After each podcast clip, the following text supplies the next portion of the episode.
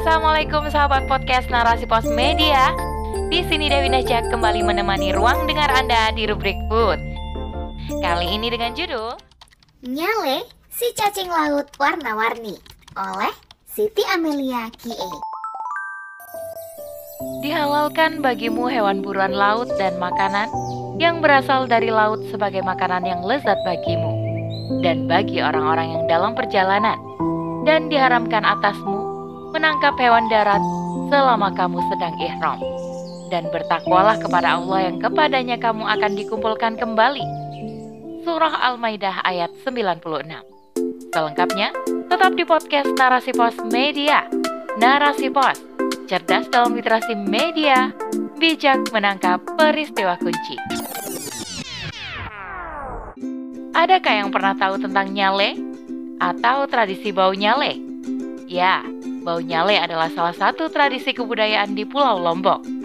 Dalam bahasa Sasak, salah satu suku di Lombok, bau artinya menangkap dan nyale adalah sebutan untuk cacing laut yang warnanya beraneka ragam.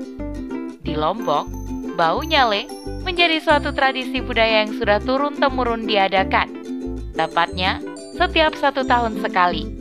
Biasanya setiap tanggal 20 bulan 10 dalam penanggalan tradisional Sasak atau jika menggunakan kalender Masehi, jatuh antara bulan Februari dan Maret. Tradisi bau nyale ini bahkan dijadikan festival untuk menggait para wisatawan baik asing maupun lokal. Jika membahas bau nyale, tidak afdol jika tidak membahas mitos yang berkembang di dalam masyarakat terkait asal-muasal nyale.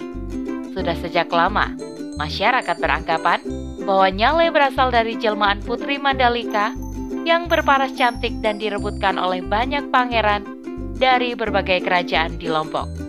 Namun, sang putri menolak semua pinangan semua pangeran tersebut dan memilih untuk terjun ke laut dan menghilang tanpa jejak.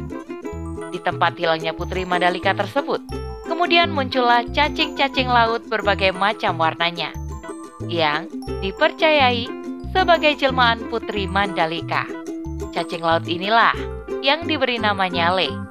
Dan setiap tahunnya dicari dan diburu oleh warga setempat serta wisatawan lokal dan asing yang penasaran dengan tradisi bau nyale tersebut. Namun, tentu saja, sebagai seorang muslim, sebuah mitos atau kepercayaan yang berkembang di masyarakat tidak dapat dibenarkan atau dijadikan sandaran hukum. Selama hal tersebut tidak bersumber dari dalil Islam, maka hal tersebut tidak dapat dipercaya. Dalam pandangan Islam, tolok ukur kebenaran bersumber dari wahyu Allah Subhanahu wa taala baik dalam Al-Quran maupun As-Sunnah. Seperti yang tertuang dalam surah Al-Baqarah ayat 147. Kebenaran itu dari Tuhanmu, maka janganlah sekali-kali engkau termasuk orang-orang yang ragu. Untuk itu, tidak dibenarkan bagi kita umat Islam untuk menelan mentah-mentah apa yang menjadi cerita mitos, tahayul, cerita bohong yang berkembang lama di masyarakat, karena akan jatuh kepada kesyirikan. Menurut lombokjurnal.com, Universitas Mataram telah melakukan penelitian secara khusus terhadap cacing laut atau nyale ini. Nyale memiliki kandungan protein yang tinggi. Bahkan kandungan protein nyale lebih besar dua kali kandungan protein ayam ras. Dilansir dari sarihusada.co.id, nyale memiliki kandungan protein sebanyak 43,84 persen. Sedangkan telur ayam ras dan susu sapi masing-masing hanya sebesar 12,2 persen dan 3,50 persen.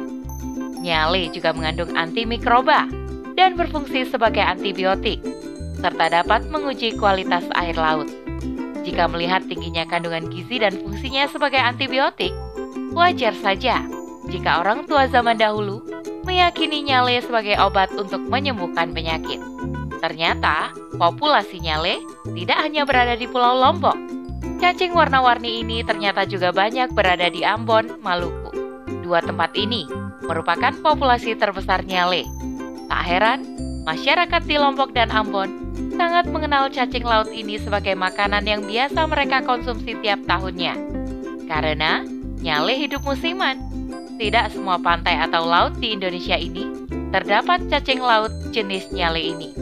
Di Lombok sendiri, populasi nyale banyak ditemukan di Pulau Lombok sebagian selatan, yakni di Pantai Sager. Hal ini karena sifat pantai yang sesuai dengan habitatnya.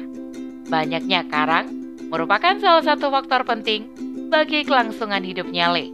Karena di lubang-lubang batu karang inilah nyale berkembang biak dan hidup.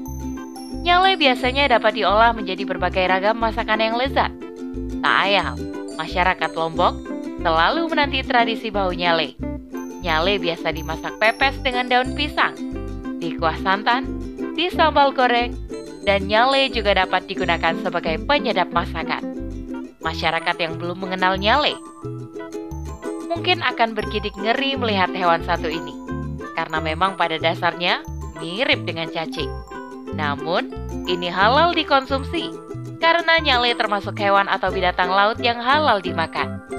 Sesuai dengan firman Allah SWT dalam surah Al-Maidah ayat 96.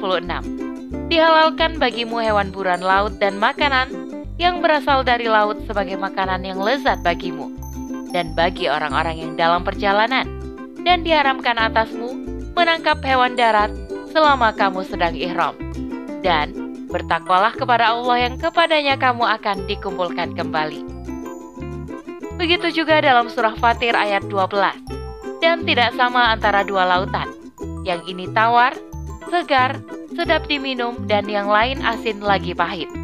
Dan dari masing-masing lautan itu, kamu dapat memakan daging yang segar, dan kamu dapat mengeluarkan perhiasan yang kamu pakai. Dan di sana, kamu melihat kapal-kapal berlayar membelah laut, agar kamu dapat mencari karunia-Nya dan agar kamu bersyukur. Artinya, dihalalkan bagi kalian binatang yang ditangkap dari air, baik laut, sungai, maupun lainnya, yaitu binatang yang beranak pinak dan bertempat tinggal di air. Bagaimana teman-teman? Mau mencoba kuliner satu ini? Masya Allah, Allah melimpahkan negeri-negeri muslim ini dengan kekayaan luar biasa. Semoga kita dapat mengambil manfaat dan ibrah bahwa Allah menjadikan negeri-negeri kaum muslim sebagai negeri yang berlimpah dengan hasil alam sebagai penopang jika Islam kembali tegak di muka bumi ini, dan sebagai pemimpin peradaban. Wallahu a'lam bisawab. Demikian rubrik food kali ini. Sampai bertemu di rubrik food selanjutnya. Saya Dewi Nasjak pamit undur diri. Assalamualaikum warahmatullahi wabarakatuh.